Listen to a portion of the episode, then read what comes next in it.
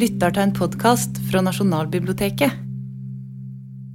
Først tre bemerkninger til innledning om å bli kastet inn i verden. Vi kastes inn i verden, skriver Heidegger. Det ligger ingen nødvendighet i dette. Verden venter ikke på at vi skal bli født. Den ville klart seg fint uten oss. Men her er vi altså, født på et vilkårlig tidspunkt og et like, like vilkårlig sted. Jeg kom til verden på Farsund sykehus den 28. november 1953. Men hva innebærer det? Hva betydde det for meg å bli født i Norge på 50-tallet? For så vidt som dette skal handle litt om meg, er det et eksistensielt prosjekt. For hvordan bidro dette landet og det tidspunktet til at jeg ble den jeg ble? Men dermed blir dette også et forskningsprosjekt. For å forstå meg selv må jeg jo forstå Norge. Og et lite barn vet jo ingenting om den verdenen det er født inn i. Likevel former den barnet, enten det vet det eller ikke. Dermed handler det om å oppdage sine egne forutsetninger lenge etter at de har faktisk gjort sitt arbeid. Så du får et tilbakeblikk, samtidig som du må grave deg ned i viten om fortiden. Så skal jeg ha en innledning nummer to om å gjøre seg selv til et eksempel. Så litt filosofi. Prosjektet er personlig. Det er et forsøk på å gripe meg selv gjennom å gripe Norge. Men selv om det skal handle mer om Norge og det norske enn det skal handle om meg, så skal det jo også handle om meg. Og da kan jeg jo ikke unngå spørsmålet om hvorfor dette prosjektet i det hele tatt skal interessere noen andre enn meg sjøl. Spørsmålet om hvorfor andre skal bry seg, er alltid relevant i forhold til memoarer og selvbiografier. Simone de Beauvoir skriver i forordet til 'Moden alder' at enten det er Samuel Pepys eller Jean-Jacques Rousseau, enten man er middelmådig eller eksepsjonell, hvis et individ fremstiller seg selv på en ærlig måte, angår det mer eller mindre alle. Det er umulig å kaste lys over sitt eget liv uten her og der å belyse andres. Helt siden jeg først leste den setningen som student, så har den liksom gjort inntrykk på meg. Den er blitt i minnet. Jeg visste at Beauvoir hadde rett, for jeg hadde jo lest memoarer som hadde grepet meg dypt osv. Men jeg forsto ikke hvorfor. Nå tenker jeg at grunnen er at en som skriver seriøst oppriktig, en seriøs og oppriktig memoar, gjør seg selv til et eksempel. Fra høsten 1954 til rundt juletiden 1960 bodde jeg i Matre i Sunnhordland, som på den tiden var en veiløs bygd. Seinere hjalp faren min til å lage veien som går over fjellet til Rosendal. Men um, den ligger, Matre ligger ved en fjordarm på Vestlandet, en fjordarm til Hardangerfjorden. Og Matre har usannsynlig høye nedbørsmengder. Midt på 50-tallet hadde skolen i Matre ett rom. Det var kanskje 20 barn i skolealder i bygda. Vi gikk på skole annenhver dag. Rent statistisk er ikke dette den mest typiske oppveksten i Norge på den tida. Men å gjøre seg selv til et eksempel er slett ikke det samme som å hevde at den er representativ. Det betyr heller ikke at den tror den er eksemplarisk i betydningen forbilledlig eller mønsterverdig. Det er snarere å gjøre seg selv til et spesifikt tilfelle som krever utforsking. Eksempler oppfordrer til sammenligning og ettertanke, til refleksjoner over likheter og forskjeller. Jeg sier f.eks. at vi aldri spiste stekt kylling på 1950-tallet. Om det ikke stemmer for deg, betyr ikke det nødvendigvis at jeg tar feil, og heller ikke at du gjør det. Men eksempelet oppfordrer til videre utforsking, til kartlegging av forutsetningene, grunnene til våre forskjellige erfaringer. Eksempelet er noe både en selv og andre kan bruke til å tenke med. Simone de Beauvoir mente at mennesket formes gjennom en prosess som samtidig er generell og helt spesifikk for det enkelte individet. Vi utsettes for sosial påvirkning fra det øyeblikk vi blir født. Men vi utsettes ikke for helt de samme påvirkningene. Dessuten svarer individer ulikt på det samme presset. Vi gjør alltid noe med det verden gjør med oss. Det er nettopp fordi den enkelte personen utgjør et krysningsfelt der utallige sosiale og ideologiske påvirkninger møtes og får gjensvar, at studiet av enkelttilfeller kan bli så opplysende som det ofte er.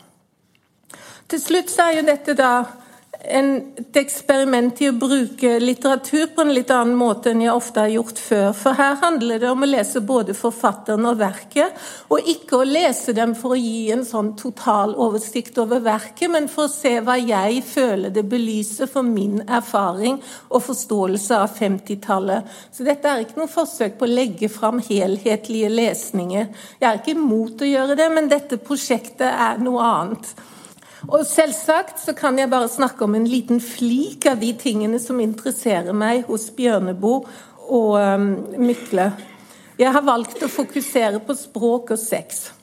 Jeg ville så gjerne ha skrevet om norskhet og selvfølelse, usikkerhet, stormannsgalskap og høyspent dyrkelse av det såkalte åndsmennesket, og også kunstneren med stor K, men det fikk jeg ikke plass til i kveld, og det er klart at det må bli et fremtidig foredrag. Språkdelen handler mest om forfatteren og språkstriden på 1950-tallet. Sexdelen handler først om en scene fra Bjørneboes 'Jonas', og så om en scene fra Mykles-sangen om den røde rubin. Norge på 1950-tallet var et mannssamfunn. Dette er noe vi alle vet, selvsagt, men det hjelper ofte å minne seg selv om det åpenbare. Jeg forsøker derimot slett ikke å si at alle de organisasjonene eh, jeg viser bilder av, var mer mannsorienterte enn noen andre. Det er bare den generelle bakgrunnen, så å si. Og en siste innledende bemerkning. Arbeid som jeg har kastet meg ut i her, har fått meg til å tenke over hva vi mener når vi snakker om et tiår eller en generasjon.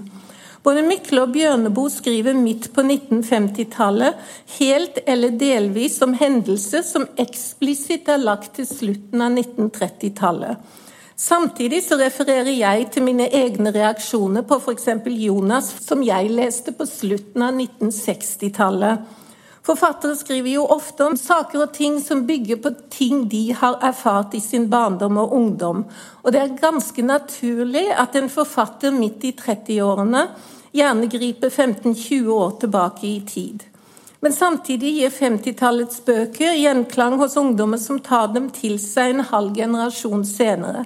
Kulturen eller tidsåndens tid er altså ikke enhetlig, men snarere en komplisert vev av fortidige forutsetninger og ettertidige responser. Og denne sånne svaret og responsen og foregår hele tiden. Så det er veldig vanskelig å si at nå kan vi gripe et øyeblikk som er rent 1950-tall, for å si det slik. Men likevel så er jo 50-tallet noe vi levde gjennom, så det er, det er, noe interessant der. Men nå får det være nok innledning. Nå skal det handle om Mykle og Bjørneboe. Når vi ser oss tilbake i dag, så står Mykle og Bjørnboe som to av de viktigste romanforfatterne i Norge på 1950-tallet. Agnar Mykle, født Myklebust 1915, debuterte på 1940-tallet, men renommeet hans hviler på de to romanene om Ask Burlefot, 'Lasso rundt fru Luna' fra 1954 og 'Sangen om den røde rubin' fra 1956, som jo ble gjenstand for norgeshistoriens mest omtalte litterære rettssak. Mykles siste roman, 'Rubicon', kom ut i 1965. Men det var som om rettssaken og publisiteten hadde ødelagt Mykle. Han fortsatte å skrive hele livet, men slik jeg forstår Anders Hegers biografi, så viser mange av de etterlatte manuskriptene at Mykle etter hvert hadde gått inn i sin egen verden. Etter å ha arbeidet med maleri på 1940-tallet debuterte Jens Ingvald Bjørneboe, født i 1920, med en diktsamling i 1951. I dette tiåret var han utrolig produktiv og ga ut hele tre diktsamlinger og fem romaner. Ikke alle er like gode. Romaner som 'Vinter i Bella Palma' fra 1958 og 'Blåmann' fra 1959 er ikke høydepunkt i karrieren hans. Det store unntaket er 'Jonas' fra 1955. Som tenåring helt på slutten av 1960-tallet leste jeg ikke Mykle. Men Bjørneboe Jeg leste Jonas som gymnasiast og syntes den var fenomenal. Refsingen av den norske skolen ja. Forhånelsen av salamanderne ja. Medfølelsen med den utstøtte og dysleksiske Jonas som ikke vil havne på idioten ja og atter ja. Min manglende interesse for Mykle og tiljubling av Bjørneboe på 60-tallet er ikke tilfeldig. For mens Mykle var blitt taus i offentligheten, plukket Bjørneboe opp den radikale fanen og ble ungdomsopprørets stemme i Norge. Dermed ble Jonas lest sammen med den langt senere trilogien om bestialitetens historie og den opprørske uten en tråd, og dermed ble Jonas også tatt som bevis på forfatterens iboende radikale samfunnssyn. Jeg som leste Pax-utgaven av Det annet kjønn omtrent samtidig som jeg leste Jonas, så ingen motsetning mellom de to. Slik jeg forsto den, oppfordret både Beauvoir og Bjørneboe til opprør mot selvtilfredse, makthavende menn. Men nå som jeg har lest Jonas om igjen, så syns jeg ikke at det er så enkelt lenger. Men først, hvem var egentlig disse to mennene? De kjente hverandre litt. De bodde i samme sambyggelag på Abildsø tidlig på 50-tallet, men bekjentskapet forhindret ikke Bjørneboe i å slakte sangen om den røde rubin i Aftenposten. Så eh, gode venner kan man vel ikke si de var. Mykle var en vanlig trondheimsgutt, sønn av en musikkløytnant fra Sunnmøre. Han jobbet som handelsskolebestyrer i Kirkenes og Vardø i 36 og 37, og ble deretter student på NHH, den nyopprettede handelshøyskolen i Bergen, i 38. På denne tiden så oppfattet Mykle seg som sosialist. Men likevel så søkte han jobb hos tyskerne i 1940 og tolket for den tyske krigsretten i Trondheim i et halvt år, før han kom seg tilbake til Bergen og tok eksamen som siviløkonom våren 41. Men hvorfor gjorde Mykle det, gitt hans sosialistiske bakgrunn osv.? Heger tror at det har, noe med at tyskerne skrøt så mye over språkferdighetene hans, men det er, det er, ikke klart for meg hva det var som foregikk hos Mykle den, det året 1940. Under krigen så begynte han å skrive noveller, men økonomien var så skral at han i 1943 annonserte etter en skrivemaskin i bytte for en sykkel. Så dro han til Paris med sin annen kone og lærte å drive dukketeater. Og vel hjemme igjen så ble han sosialdemokratisk funksjonær i den forstand at han jobbet som teaterkonsulent for Arbeidernes Opplysningsforbund. Men samtidig så skrev han. Han ga ut to novellesamlinger på 1940-tallet, og den første romanen, 'Tyven, tyven skal du hete', kom ut i 51. Og etter hvert så fjernet Mykle seg fra Arbeiderpartiet og sosialismen. Kunstens opphøyethet begynte å oppta ham mer mer enn massenes frigjøring. I utgangspunktet hadde altså Mykle lite til felles med skipsredersønnen Jens Bjørneboe eh, fra Kristiansand. I ungdommen framstår Bjørneboe som en typisk overklasseopprører. Han ble utvist fra to skoler før han ble 18. Mykle derimot var litt av et skolelys og tok artium på handelsgym og ble siviløkonom. Den fem år yngre Bjørneboe, som bare var 19 år da krigen kom til Norge, dyrket kunsten, malte og skrev, oppdaget antroposofien og havnet i Stockholm under krigen. Han, Bjørneboe, dyrket eleganse og skjønnhet, hadde liten inntekt, men dyre vaner. Og Dette fikk meg til å tenke, for Tore Rem, som skriver i sin uforlignelige biografi at midt på 1950-tallet så fikk Bjørneboe et slags spesialstipend, en ren gave fra Riksmålsforbundet, som ga ham 6000 kroner til takk for innsatsen for saken. Så lurte jeg på hva det betydde, så jeg spurte faren min hvor mye han tjente første året han var tekniker i Matre, altså i 1954-55, og han forklarte meg at det var 9600 kroner før skatt. Så da kan man tenke seg at 6000 kroner var mer enn en vanlig arbeiderlønn, tenker jeg, og det, det var virkelig litt av et beløp. På 50-tallet så var det nettopp riksmålssaken som forente Mykle og Bjørneboe.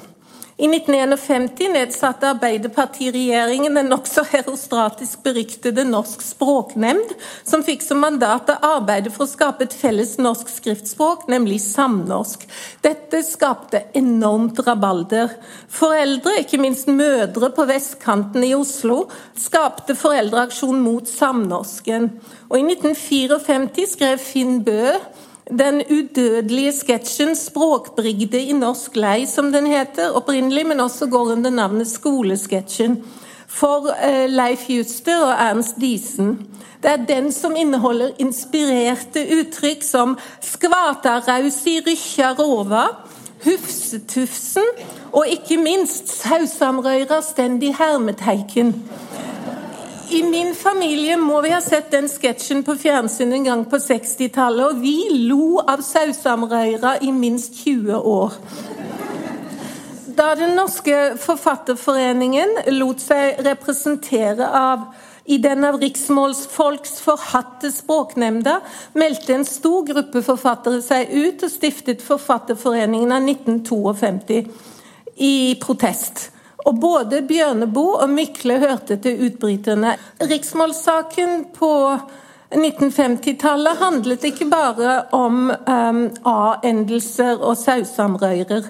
Den handlet også om politikk og motstand mot Arbeiderpartistaten og det sosialdemokratiske utjevningsprosjektet.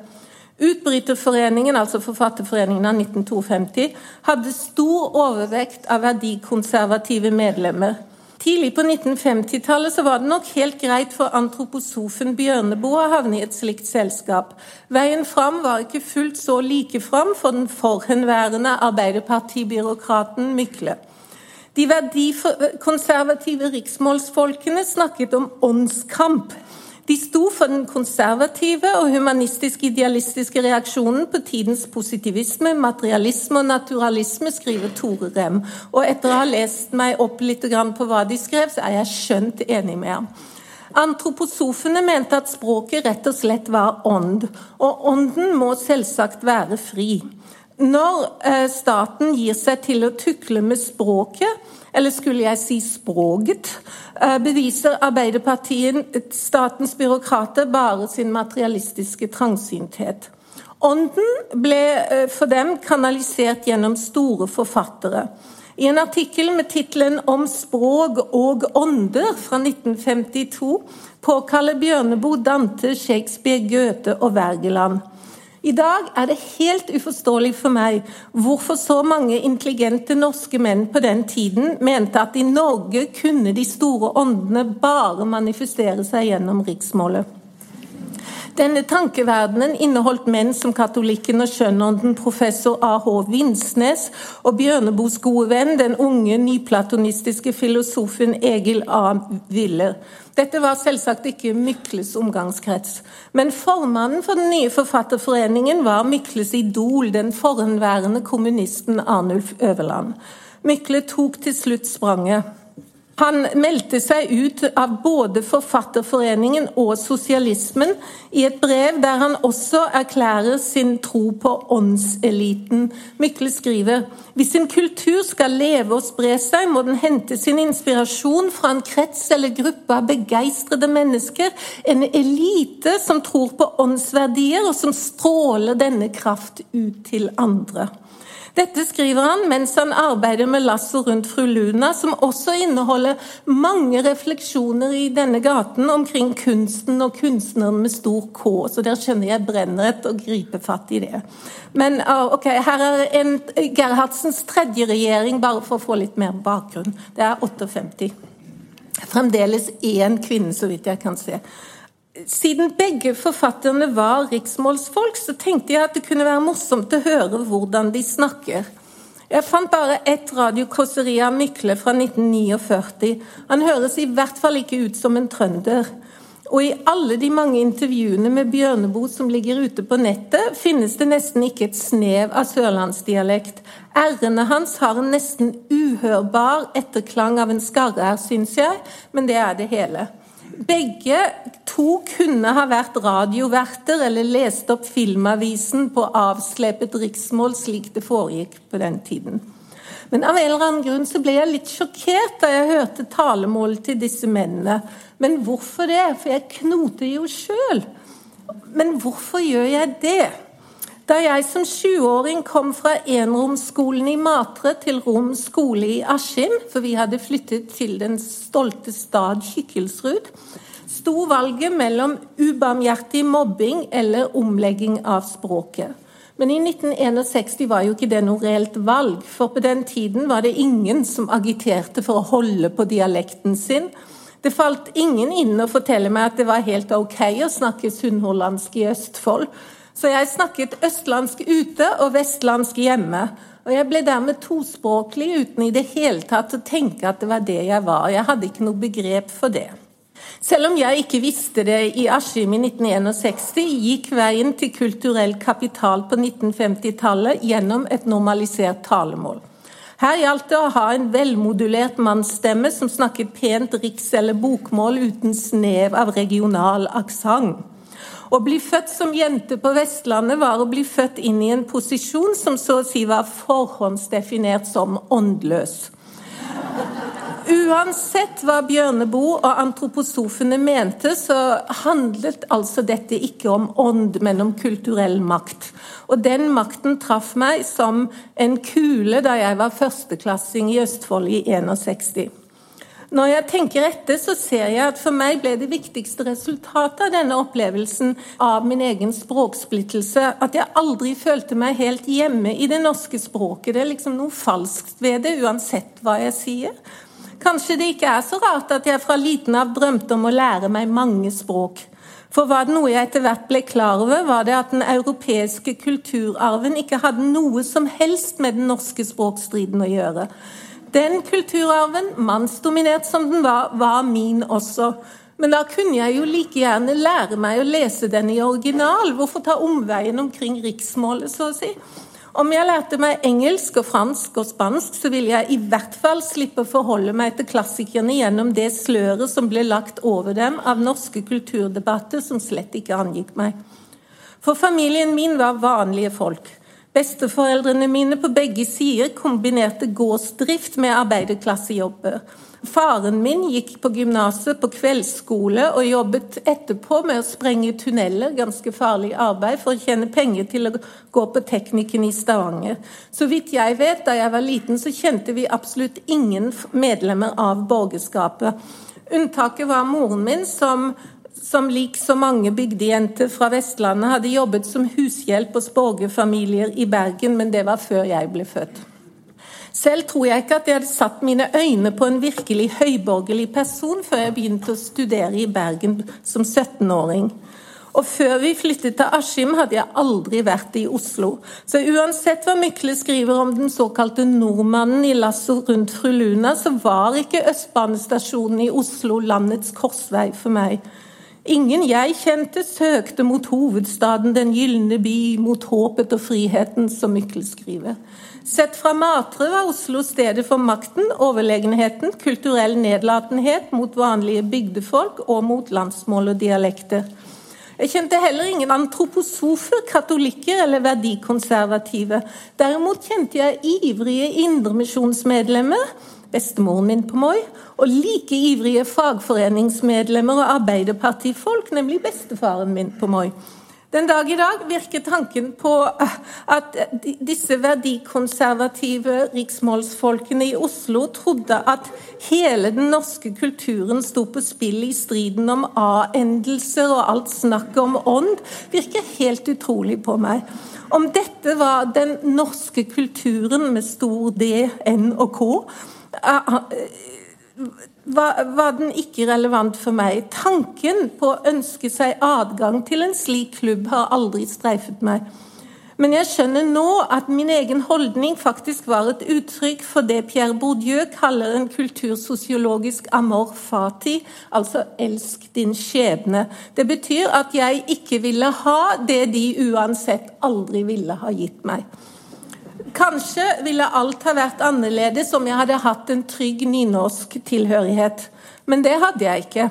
Ingen i min familie var ihuga nynorskfolk. De som var glad i å lese, leste bokmål. Bestefaren min kjøpte de beste spøker med sine fire forkortede amerikanske underholdningsromaner i hvert bind. Moren min lånte romaner på biblioteket, og slett ikke Lady Chatterleys 'Elsker', men alltid Amber og Angelique. Og jeg har lagt merke til at alltid Amber er fremdeles i aktiv utgave hos Cappelen Dam. Um, den nevnes jo også i en av Edith Kalmars filmer som et eksempel på altså, Kultursnobben nevner den som eksempel på lavkultur. da. Folk rundt meg leste verken Vesaas eller Vinje, men de leste ikke Mykle og Bjørneboe heller. Dønningene fra de store slagene mellom verdikonservative og kulturradikalere på 50-tallet nådde meg ikke. Men etterdønningene fra den store språkstriden traff meg på skolen på 60-tallet. Ikke bare i Askim, men på Tonstad i Vest-Agder også. Men det får bli en annen historie. Så nå skal jeg flytte meg fra språkstriden til sex, som jo 50-tallet er spesielt interessant som et eksempel på holdninger som i dag vi ikke kan ta helt for gitt lenger. Jeg skal begynne med Jonas. I Jonas finnes det en liten episode som ingen så ut til å ha lagt merke til da romanen kom ut. Jeg kan i hvert fall bevitne at jeg heller ikke la merke til den da jeg leste boka på 60-tallet. Episoden står mot slutten av romanen. Så her ser vi altså En del av dette prosjektet er faktisk at jeg må for det første huske hva jeg tenkte i fortiden, men så ser jeg det er jo annerledes nå. Det er nå jeg gjør denne forskningen som går ut på å forstå hva det var som foregikk. Så det er mange tidslag i, i, i denne framstillingen. Men altså, episoden står mot slutten av romanen, i kapitlet som heter 'Jungmannens historie'. I Jonas er jungmannen sjømannen som finner Jonas som bor på båten han har lurt seg om bord på, og tar ham med tilbake til Oslo. Den samme jungmannen blir etter hvert lærer på Steinerskolen og fremstår som en av romanens helter. Så her er situasjonen. En gruppe kamerater som går på skole i en liten provinsby rundt 1939, drikker og fester sammen. De har, slik jeg leser romanen i dag, sterke homososiale bånd til hverandre. Men homososialitet, det at menn slår seg sammen i grupper som ekskluderer kvinner, at de har sosiale bånd seg imellom med sterke, men uuttalte seksuelle undertoner til de andre mennene i gruppen, var jo ikke noe begrep på 50-tallet. Men for å illustrere hva homososialitet er, så tror jeg Jungmanns historie er et helt elegant eksempel. En av disse guttene heter Knut i romanen. Han har en kjæreste som heter Didi. I kveld kommer Didi, sier Knut til jungmannen etter en flaske brennevin. Ligger du med henne, spør jungmannen. Knut svarer ja, og jungmannen later som han ikke tror det. Da skal du sannelig få se, svarer Knut. Så legger de noe de oppfatter som en hysterisk morsom plan. Slik blir den gjennomført. Knuts værelse lå for seg selv, altså nå siterer jeg. Men slik at han måtte gå over gårdsplassen for å komme til doen, og han gikk fra henne i mørket. Vi møttes på gangen. En stund efter gikk jeg inn i hans sted, og hun merket ikke forskjell på oss. Hun ante først noe da hun følte at jeg hadde klokke på det venstre håndleddet. Så gikk jeg ut igjen, og noen minutter senere gikk Knut tilbake til sin rettmessige plass. Stakkars Diddi må ha fått seg skrekk i livet da hun skjønte at Knut hadde vært borte hele tiden. Det fikk vi også en stund senere, da vi fikk vite at hun var under 16 år. Det var imidlertid for sent. For oss var dette utvilsomt begynnelsen til enden. Det ble en morsom historie for hele småbyen. Guttene blir tiltalt for sex med en mindreårig. Ifølge Jungmannen var det ikke Didi som gikk til politiet, men den ærgjerrige politimesteren i denne lille byen som hadde hørt rykter om saken og kalt Didi inn til forhør. Det hele fremstilles som en vits. Politimesteren, skriver Bjørneboe, ble frosset ut av bridgeklubben sin etterpå. Fordi det hele skjedde på hans rom, ble Knut tiltalt for bordelldrift. Og så skriver Bjørneboe de tok Knut på den paragrafen. Han fikk tolv måneder. Jeg fikk åtte betinget, og Georg, en tredjekamerat som faktisk ikke var der, slapp påtale. Så gikk vi på hotellet og drakk øl. Hele byen var på vår side. I Jungmannens bevissthet er altså hele småbyen enig i at dette bare er en morsom historie. Like etterpå forteller han av sin linje nedenfor så forteller han at Knut falt i slaget om Dieppe under krigen. Effekten er å fokusere på heltemotet hos guttene og minimisere Diddis eksistens. Guttegjengen i denne hele Jungmanns historie er i det hele tatt omgitt av en eim av storslått og romantisk maskulin død. De organiserer til og med et, eh, mitt syn en totalt meningsløs duell som har eh, fatale eh, konsekvenser. Denne episoden bygger på virkeligheten, bortsett fra at romanen forskyver begivenhetene et år. Tore Rem forteller hva som faktisk skjedde det året i Flekkefjord, for Flekkefjord er da småbyen. Kameraten Fridtjof Kleve hadde truffet en jente som sier hun er 16 år.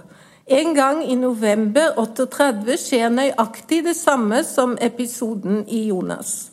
Tore Rem skriver etter at Kleve har samleie med jenta, forlater han værelset. På gangen står Bjørneboe, som aldri før har truffet henne. I mørket tar han Kleves sengeplass og har samleie med henne, mens hun tror at det er kjæresten som er tilbake. Men da samleiet er over, merker hun at personen er en fremmed, fordi han i motsetning til Kleve har et armbåndsur på håndleddet. Bjørneboe fordufter, og da Kleve kommer tilbake, forteller hun hva som har hendt. Kleve hevder at det må ha vært en lærer som forgrep seg på henne. Det trodde jenta i to uker. Men til slutt så får hun vite at det var Bjørneboe og helt avtalt spill. Men dette er ikke alt. Rem skriver videre, og igjen bygger han på rettsprotokollene for, for, denne saken, at noen dager senere så kommer jenta på besøk til Kleve igjen. Denne gangen ber Kleve henne om å ligge med Bjørneboe, sånn eksplisitt ber, det er ikke noe sånn bed trick eller sengetriks eh, denne gangen. Men jenta nekter. Bjørneboe, skriver Rem, går inn og legger seg i sengen. Hun er ikke villig. Hun vil ikke for kjærestens skyld, hun gjør anrop. Kleve kommer inn igjen på rommet. Han insisterer på at hun gjerne må ha samleie med Bjørneboe for hans skyld. Hun gjentar at hun helst vil slippe. Kleve slukker lyset og går på gangen igjen, og Bjørneboe fullbyrder samleiet. I jentas forklaring til retten står det også at denne gangen gjorde hun sterk motstand og ropte slik at hybelvertinnen kom til. Men eh, det ser ut som retten kanskje ikke trodde det. Jeg skjønner ikke hvorfor de ikke bare intervjua hybelvertinnen, men det vet jeg ikke noe om. Um, men Kleve sa altså selv om hun gjorde denne sterke motstanden, så sa Kleve at om hun ikke gjorde som de ville, så ville han ikke være sammen med henne lenger. Altså Dette er jo ekstrem homososialitet. ikke sant? Mannen som insisterer på å overlevere kvinnen til den nærme kameraten. Um, dermed så ga jenta etter. Jeg merker meg at romanen utelater helt denne andre voldtekten. Det er bare den første som er med i romanen fordi det slår meg så mye vanskeligere å bortforklare denne situasjonen som en vits. Eh, for her er det rett like fram. Hun sier nei, de sier ja, og så skjer det. ikke sant? Senere i livet, etter at han hadde skrevet 'Uten en tråd', stått fram som forkjemper for fri sex, forklarte Bjørneboe at han selv hadde følt seg vergeløs i forhold til politiets livrige og overintime spørsmål om saken. Så I den senere versjonen så er det autoritetene som blir moralens voktere, som gjør unggutten til et offer. Men da, hva med jenta? Rem skriver at hun var datter av en garveriarbeider og tjenestepike hos guttenes favorittlærer. Klasseskillet er grelt. Språkskillet var det nok også, tenker jeg. Bjørneboe slapp unna med åtte måneder betinget fengsel. Kleve fikk et år ubetinget, noe som impliserer eh, alvoret i saken. Jenta mistet jobben som tjenestepike og ble utpekt av alle i småbyen som hun det er. Den våren, skriver Rem, brukte Posten i Flekkefjord saken til å påpeke at det, og dette siterer jeg, jeg trodde nesten ikke mine egne øyne da jeg leste dette, men Posten i Flekkefjord under konfirmasjonsforberedelsene sa at det var det nå siterer vi, det svake kjønns ansvar å oppdra det sterke. Og her hadde en av byens piker sviktet sitt oppdrag. Denne jenta ble voldtatt to ganger. To privilegerte unge menn slo seg sammen om å utnytte henne. Hun hadde ikke en sjanse, og hun måtte leve med skammen, mens de unge mennene kunne drikke videre i sann overbevisning om at det var politiet og rettsstaten som overdrev, for hele byen, inkludert prosten, sto jo på deres side. Så hvorfor trekker jeg fram dette? Fordi episoden slo meg så voldsomt da jeg leste romanen om igjen i år. Og jeg hadde ikke lagt merke til den på 1960-tallet. Så vidt jeg vet, så nevner ingen kritikere i samtiden den heller. Det er jo bare noen få, det er jo ikke så mye. Det er bare den historien om, om trikset, den morsomme trikset der de bytter plass i sengen hennes osv. Enda verre, tenker jeg, at det, er faktisk helt utrolig at jeg ikke la merke til den mot slutten av 60-tallet, tenker jeg nå. For da satt jeg og leste Beauvoir og ble glødende feminist, men jeg så det ikke likevel. Episoden i dag for meg åpner denne episoden en avgrunn. Når det gjelder sex og kjønn, kvinner og menn, framstår 1950-tallet som et fremmed kontinent. Hva slags verden var dette for jenter å bli født inn i? En verden der overklassegutter voldtar tjenestepiker med sørlandsdialekt og syns det bare er morsomt. Og en verden der ingen synes det er sjokkerende. Så før jeg sier noe mer om dette, så skal jeg se på en scene i sangen om den røde rubin, som jeg stort sett skal kalle Rubinen. da. I North Carolina kjører jeg bil. Og hver dag i hele høst hørte jeg på Mykles to lange romaner i bilen. Oppleserne Anders Ribu for Lasso og Halbjørn Rønding for Rubinen er fremragende. Men lydbøker har den egenskapen, i hvert fall når en kjører bil, at det er tungvint å hoppe over avsnitt, eller bare skumlese sider som virkelig får en til å vri seg i vonde. Man sitter der liksom fanget i disse ordene. Etter hvert merket jeg altså Det tok litt tid av grunnen jeg skal komme til, men etter hvert så merket jeg at visse steder i tekstene fikk meg til å rope ut i ren frustrasjon. Get on with it! ropte jeg på veien til Whole Foods. You must be joking! unnslapp det meg på vei hjem fra jobben. Og til min overraskelse så var det stort sett ikke sexscenene som skapte slike reaksjoner. Stort sett, men selv om gudene skal vite at det er mye man kan si om dem. Nei, det var de mange og lange passasjene der Ask Burlefot driver og nøler og nøler, ikke tør å si hva han mener. Alle de scenene der han føler seg skrekkslagen, stiv av redsel for hvordan andre kommer til å reagere på ham. Slike scener oppstår enten han forholder seg til kolleger, overordnede menn eller til kvinner. Til å begynne med hadde jeg medlidenhet altså til å begynne med i leseprosessen, og særlig fordi jeg hørte meg gjennom disse bøkene for å være sikker på at jeg kom gjennom dem ordentlig en gang til for dette foredraget. Så, um, så hadde jeg medlidenhet med den sjenerte og selvundertrykkende unge nordmannen. Han kaller seg selv stadig vekk nordmann i denne uh, Altså at han er så Det er det norskes problem som så å si manifesterer seg i ham. Men etter hvert så ble jeg bare desperat irritert over Asks ønske om at andre skal lese hans sjel, selv når han ikke klarer å si et eneste ord. Og spesielt ble jeg irritert av ønsket om at kvinner skal begripe at han brenner av ømhet og kjærlighet, selv når han oppfører seg som en total egoist. Ja, og så var det ønsket om å bli fetert som en genial kunstner før han i det hele tatt har skrevet eller komponert en linje. Dette står helt eksplisitt i Rubinen, men jeg, jeg, altså jeg holdt det nesten ikke ut. Alt dette er selvsagt også forbundet med Asks refleksjoner om norskhet, om å være en norsk mann, som er et stort emne. som altså Kunstneren som norsk mann må nok bli et eget kapittel som jeg ikke kan ta opp i, i kveld. Den eneste sexscenen som nesten fikk meg til å stoppe bilen av ren avsky, er en kort scene mot slutten av Rubinen. Ask har endelig mannet seg opp til å be Embla, den tilbedte kvinnen, eh, med på studentballet. Han har holdt en tale for damene som har vakt stor lykke, og han har danset swing med Embla i en eneste lykkerus. De er så flinke til å danse sammen, og alt er helt perfekt. Men så må han en tur på toalettet.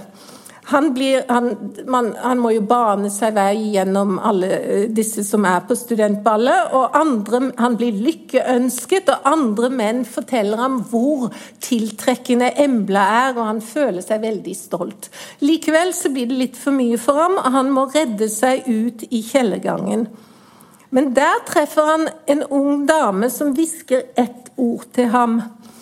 Ask selv føler at scenen som nå følger, er noe uvanlig, for leserne advares på forhånd. Det som nå hendte, kom senere til å stå for Ask som noe av det mest forbløffende han hadde vært ute for. Det var ganger hvor han trodde det ikke hadde hendt. Han trodde han måtte ha drømt. I ettertid, altså Det er jo Ask som forteller dette, som ser tilbake på sine tidligere erfaringer. Så i ettertid presenterer altså scenen som noe som Ask ble utsatt for, noe nesten uvirkelig. Men framstillingen gjør det ganske klart at dette er et av de få øyeblikkene der Ask ikke lenger er stiv av redsel. Han frykter ikke kvinnens dom øyensynlig, og han mangler slett ikke evne til å uttrykke seg, snarere tvert imot. Piken har sagt bare ett ord, står det, men hun sa det tett ved hans øre. Og hun sa det drillende, bebreidende, provoserende, perpendikulæren. Altså, Dette går tilbake på det altfor lange gjenfortellingen av den glitrende damenes tale, der han bruker sosialøkonomiske begreper til å hentyde til kjærlighet, forelskelse osv. Og, og perpendikulæren kan jo da høres ut som noe grovt. Det er nettopp det uh, Ask tenker. Han blir rasende over tanken på at denne kvinnen tror han har i det hele tatt hentydet til noe grovt i det han oppfatter som den hellige Emblas nærvær. Han beskriver denne kvinnen som har altså bare sagt ett ord. Hun har sagt perpendikulæren til ham, og det får enorme konsekvenser. Um, han beskriver henne på en måte som jeg måtte lese to ganger før jeg helt forsto dette. Altså um, som sterkbygget, med tykke lepper og sterke kinnben, og sier at hun minner om en inkapike. Um, det er altså noe ubehagelig rasepreget over dette, i tillegg til alt det andre. Han kjenner henne igjen, han har sett henne på flere dansemøter i klubben, og hver gang med en sterk følelse av mishag. Han kan ikke si hva hans mishag kommer av, står det, men så går, sier han det likevel, da, syns jeg, i den neste setningen. Nemlig um, Hun har noe utfordrende ved sitt vesen, pleier å danse på en høyrøstet og vilter måte med sin kavaler. Hun ler høyt. Hun synes alltid å ville påkalle oppmerksomhet. Det står også, men jeg fikk ikke plass til det på, på sitatet, at hun deiset ned på fanget til unge menn sånn rett som det var. Det er jo klart en stor feil. Altså, um, Ask innrømmer også at han har følt seksuell spenning i forhold til henne. Men denne spenningen har inngitt ham avsky, står det. Det er i hennes utfordrende holdning noe koldt og hårdt. Ask har aldri villet danse med henne. Han visste at hennes uuttalte spørsmål ville være 'Tør du?' Og Ask hadde ikke toret, hadde ikke villet. Denne kvinnen beskrives altså som eksotisk, inkaaktig og i besittelse av en høyrøstet seksualitet. Så har jeg glemt å nevne at hun også beskrives som rødhåret, hvilket jeg tror er et sånt symbol i litteraturen. Ask har følt seg utfordret av henne og liker det ikke. Nå har jenta forbrutt seg ved å si dette ene ordet, som får Ask til å tro at den forgudede Embla kanskje har følt at han har vært grov. Selvsagt så var han grov hele foredraget slik jeg leser det. Altså Hans foredrag er full av sånn double entendre, altså dobbeltmeninger. Det er det som gjorde det så vellykket. Men her vil han ikke innrømme det. Han blir rasende. Han skal straffe denne kvinnen som her står som horen som truer med å tilsmusse ham i Madonnaens øyne. Han ser på den navnløse kvinnen med lett opptrukne øyenbryn. Merk disse øyenbrynene, de kommer igjen trekker henne med ned i hagen utenfor festlokalet. Og Så følger denne beskrivelsen som jeg altså nærmest måtte stoppe bilen da den kom, og så sitter jeg der og må høre på hvert ord. Og Jeg vurderte veldig lenge å altså ikke sitere den, men da fikk jeg jo litt problemer med å få fram av dette, altså hva problemet er. da, Så jeg bestemte meg til å lese den likevel. Altså Nå er de nede i hagen, han har tatt henne med ned. Han legger venstre arm rundt hennes skulder. Hun gjør en liten bevegelse. Han har grepet henne i håret, holder henne fast liksom han holder en hest etter grimen. Han støtter henne inn mot et tre. Hans grep om hennes hår er så sterkt at han brekker hennes hode opp og bakover. Han legger høyre hånd på hennes bryst. Hun vrir seg. Han fører hånden ned og legger den flatt på hennes skjød. Under den tynne silkekjolen kjenner han hennes venusberg. Det er mykt og hvelver seg smukt under silken. Han presser sin hånd rundt det, presser så langfingeren inn i hennes kjønnsspalte. Tross silken som er imellom, kjenner han henne. Rolig gnir han hennes klitoris. Altså, snakker om at det finnes altså Tenk, dette er ikke irrelevant for i dag, jeg er bare midt i scenen. Tenk på et begrep som, fikk, som vi har snakket om i mange flere år. Grab them by the pussy. Det er dette det, det, er dette det handler om, ikke sant? Så dette fortsetter, da. Hun forsøker å sparke ham på leggen, men han holder henne i denne stilling. Hun greier ikke å ta hans hånd vekk. Hele tiden holder han grep i hennes hår. Nå bøyer han sitt hode mot hennes, ser ned i hennes ansikt, nærmer sin munn mot hennes. Får et hastig glimt av arret i hennes overleppe. Det er bare en millimeter som skiller mellom deres munner. Han kjenner hennes varme ånde av vin og tyggegummi. Han står og ser inn i hennes øyne. Plutselig ser han i hennes ansikt at han nå kan bemektige seg henne hvis han vil. Han gir henne en siste hilsen fra sin lekende langfinger. Så slipper han henne. Det var som å slippe en bøyet vidjekvist. Eh, man vet jo hva som skjer da. Den spretter rett tilbake ikke sant? hvis man har bøyet en vidjekvist. Um, så etterpå forflytte meg til noen scener fra rettssaken mot Mykle. Det interessante her det er jo bare menn i rettssalen, så vidt jeg kan se. Bare så Jeg klarer ikke å ha det sitatet der. Etterpå hever han igjen øyenbrynene og sier så 'deilig natt'. Hun forblir taus. Han sier hun må gre håret. Hun ser visstnok litt bustete ut etter denne behandlingen. Han gir henne kammen sin, og hun grer håret. Så går han fra henne, og så skriver eh, han Et øyeblikk hadde han en svak frysning mellom skulderbladene. Han tenkte hun kaster med dolk bakfra. I neste sekund hadde han glemt henne. Altså, kombinasjon Altså, Jeg finner nesten ikke ord for min avsky for denne scenen de ironisk hevede øyenbrynene, arrogansen, den brutale overlegenheten. Mannen som liksom hever øyebrynene, deilig natt, snur seg på hælen og går. Så tenker han at denne kvinnen, som vi jo har beskrevet som eksotisk og inkaaktig, kanskje driver og kaster med dolk. Um, men så glemmer han henne i sin overlegenhet. Altså mannen som føler seg i sin fulle rett til å straffe kvinnen som han opplever som en som har våget å utfordre ham seksuelt. Ask har aldri villet danse med henne, husk det. Hennes uuttalte spørsmål ville være 'tør du?' Han hadde ikke tord, han hadde ikke villet. Men nå har han fått hevn for at han ikke, var, at han ikke turte. Riksadvokaten i rettssaken mot Mykle nevner denne scenen som en av de tolv utuktige scenene i tiltalebeslutningen. Den er den siste som Altså, i tiltalebeslutningen så står det bare liksom sidetall, men heldigvis kan man slå opp i originalutgaven og se hvilke det er. Så ifølge tiltalen er problemet med alle de scenene som ble ansett som pornografiske, at de domineres av ytterliggående skildringer av kjønnslige opplevelser som beføling og slikking av kjønnsorganer og samleier i varierende stillinger og situasjoner med fremhevelse av detaljer og individuelle særegenheter ved de kvinnelige partneres kjønnsorganer og disses reaksjoner. Nå blir litt slått av Riksadvokatens syntaks her. Hvis dere ser på det, så er det de kvinnelige partnere, eller er det kjønnsorganenes reaksjoner som er problemet? Eller går det for det samme? Ifølge tiltalebeslutningen består pornografi av detaljbeskrivelser av varierende former for sex generelt, men spesifikt av detaljerte beskrivelser enten av kvinners respons på sex eller kvinnelige kjønnsorganers respons på sex. Men det er jo ikke det som er problemet i denne scenen. Det føler jeg intenst i dag, og det tror jeg ville ha følt hadde jeg lest Mykle på 60-tallet, men det, det gjorde jeg jo ikke.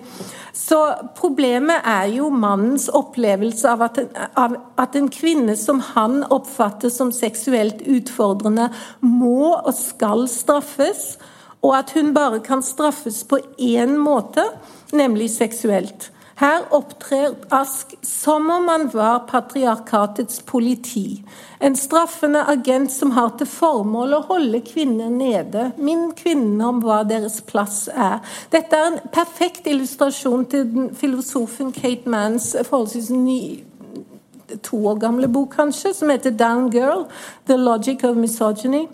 Hun ville kalt dette misogyni, og på godt norsk så er oversettelsen kvinnehat.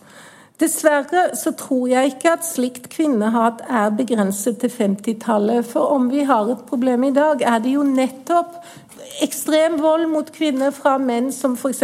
definerer seg selv som incels, altså de som ikke har fått sex av kvinner, som noen kvinner har plikt til å gi dem.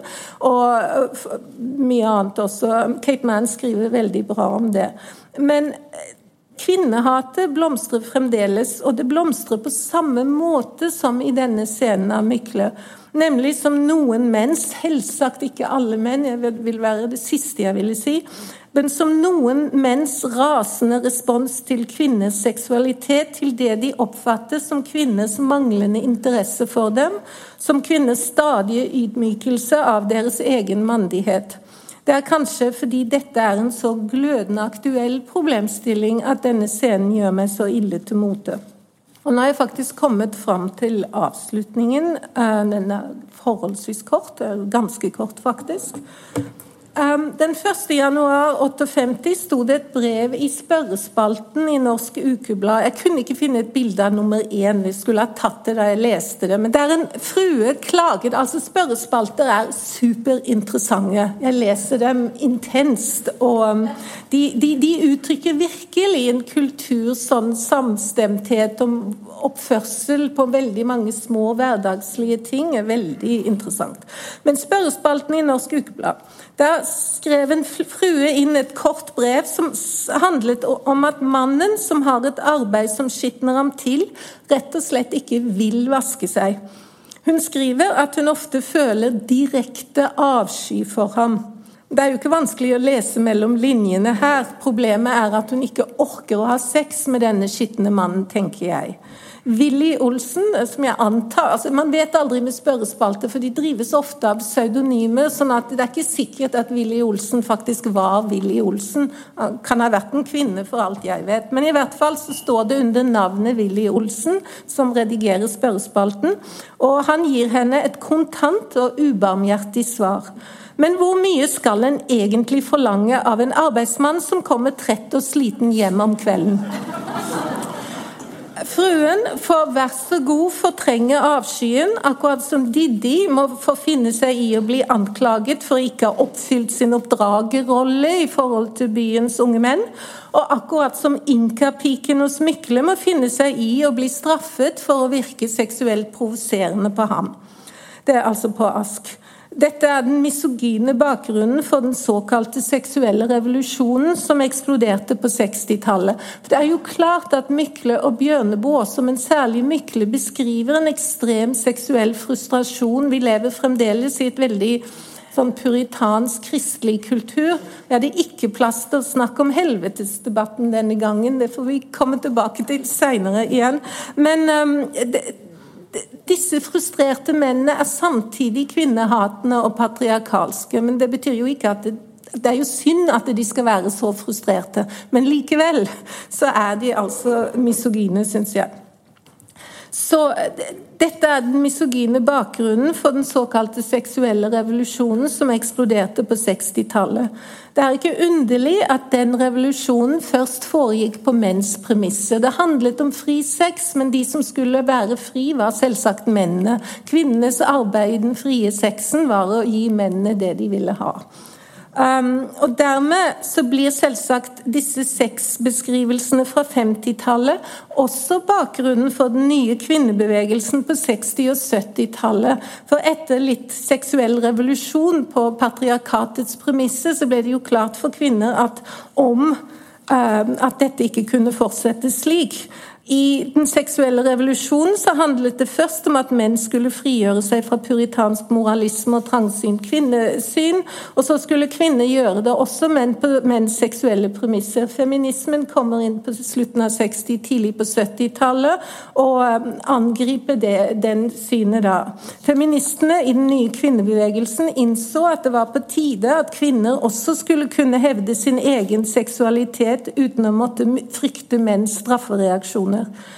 At kvinner også skulle kunne forbli seksuelle subjekter.